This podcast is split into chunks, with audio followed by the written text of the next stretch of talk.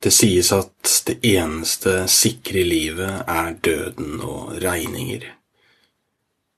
I lys av koronapandemien viser dette seg ganske tydelig. Køene til fattighuset og langtidsledighet øker i takt med sykehusene og kirkegårdene som fylles opp. Som vi har sett i de gamle westernfilmene til Leone, er det kun begravelsesbyråene som tjener gode penger på elendighet. Velkommen til første episode av podkasten Dagbokvariasjoner.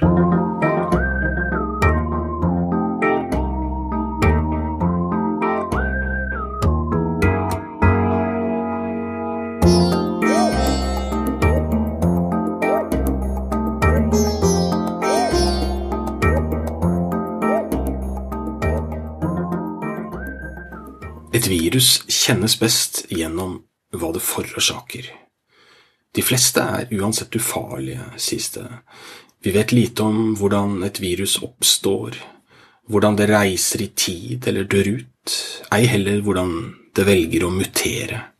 Det vi vet, er at det ikke kan overleve lenge uten en vert, for eksempel et menneske. Viruset viser derimot ingen forståelse for hva det selv trenger for å overleve, men går under sammen med verten ved hvert dødsfall. Med andre ord, viruset er enten veldig grådig eller ikke utpreget smart. Men fornuftsevnen blir kanskje uansett latterlig å tilegne et genetisk materiale som utgjør en hundredel av en bakterie i størrelse. Kanskje var det dette den avdøde norske poeten Tor Ulven siktet til når han skrev Sykdommen vet best. Et slikt virus er opphavet til det vi i dag kjenner som koronapandemien, covid-19. For de av oss som ennå ikke har vært smittet eller sett sykdomsforløpet, virker det hele rett og slett uvirkelig. Som en konspirasjon. Døden forblir statistikk. Kun regningene er virkelig nok i denne pandemien. Materialistene fra gammelt av, i det gamle Hellas, hadde stor tiltro til sansene og liten tro på det overnaturlige. De visste kanskje ikke hva et virus var, men de så effekten av det, dog på en helt annen og atskillig mer virkelig måte enn hva vi gjør i dag. For til forskjell fra folk flest nå, så de død og fordervelse rundt seg konstant i den tiden pesten var ankommet Aten.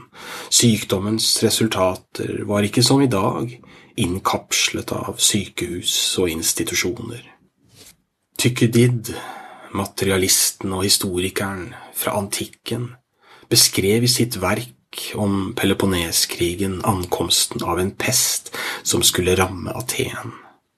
Tykkedid ble også smittet selv men overlevde, og om de synlige symptomene han så rundt seg, så skrev han Folk med god helse ble alle brått angrepet av voldelig hete i hodet og rødhet og betennelse i øynene. Disse symptomene ble fulgt av nysing og heshet, og etter det nådde smerten snart brystet og produserte en hard hoste. Foruten dette denne elendige følelsen av å ikke kunne hvile eller sove, som aldri stoppet å plage de smittede. Pesten den gang førte også til en strid om sannheten. Den rammet blindt, og årsaken var usynlig for øyet. Det ble en kamp om hvilken overtro man aksepterte. Kunne pesten være en straff fra Gud, en straff for å gå til krig med Sparta? Et orakel hadde hevdet at med krigen ville døden komme, og oraklet fikk rett. Men materialistene, og med dem Tykkedid, valgte en annen forklaringsvei. Han tok opp tråden etter Hippokrates, legekunstens far, som jo la grunnlaget for en vitenskapelig forståelse av sykdomsbehandling, og som samtidig avviste overtro og magisk healing, som eh, på den tiden gjerne ble praktisert av tilfeldige forstå-seg-på-åre, de med nær kontakt til gudene. For eh, i en periode observerte Tykkedid fugler og dyr som spiste av likene. Han fulgte dyrene i minuttene og timene etterpå og merket seg at også de døde like brutalt og plutselig som menneskene. Lite har skjedd på 2500 år. Pesten og uenigheten om årsaken til denne herjet i Aten. Folk og fe strøk med, akkurat som i dag. Men der er en forskjell. På Tykkedid sin tid var det ingen optimisme. Det var ingen helseminister som dag etter dag kunne fortelle om mulige lys i tunnelen et sted der framme. Det var kun smitte, smerte og sterben, død, tilfeldig fordelt og etter en logikk som gikk alle hus forbi. På Tykkedid sin tid var pessimismen rådende.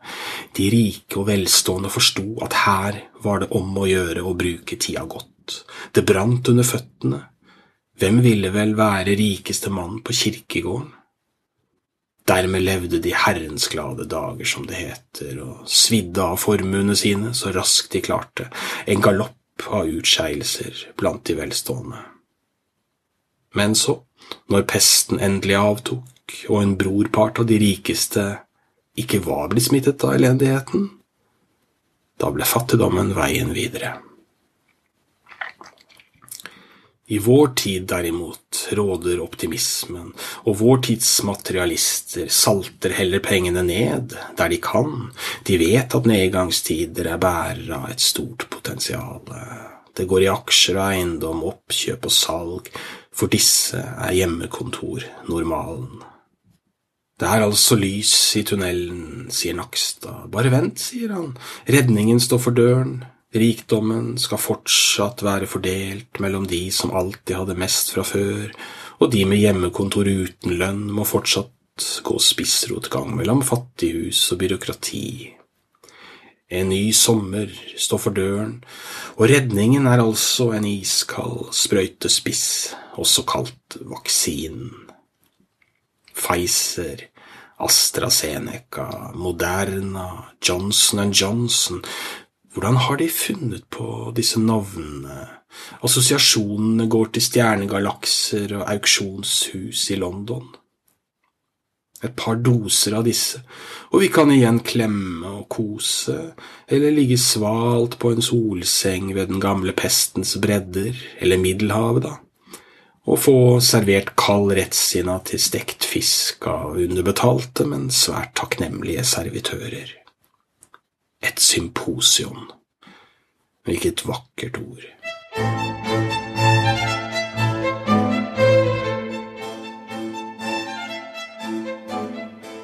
Til slutt i denne episoden har jeg lyst til å introdusere en ny sjanger bokomslag og handlingsreferat av bøker som aldri vil bli utgitt.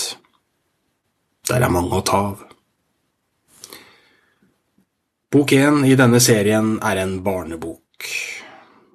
Bokomslaget viser resten av en matpakke som har klistret seg opp etter et rødt neonskilt med noen tvilsomme tilbud. Tittelen på boka står skrevet øverst i tykk arealfont, Maria rømmer til Polen.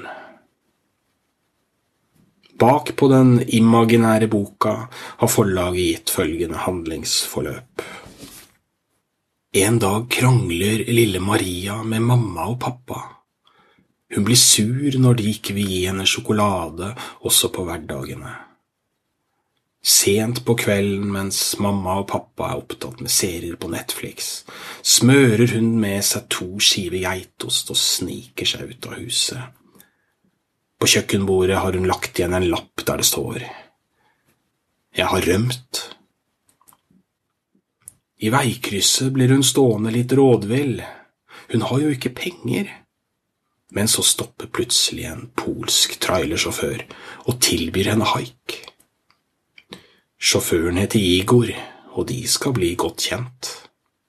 Han sier han gjerne tar henne med helt til Polen, for i Polen er det fint, sier Igor. Så glad blir lille Maria når hun får høre at hun skal til Polen, at hun tilbyr Igor den ene skiva med geitost.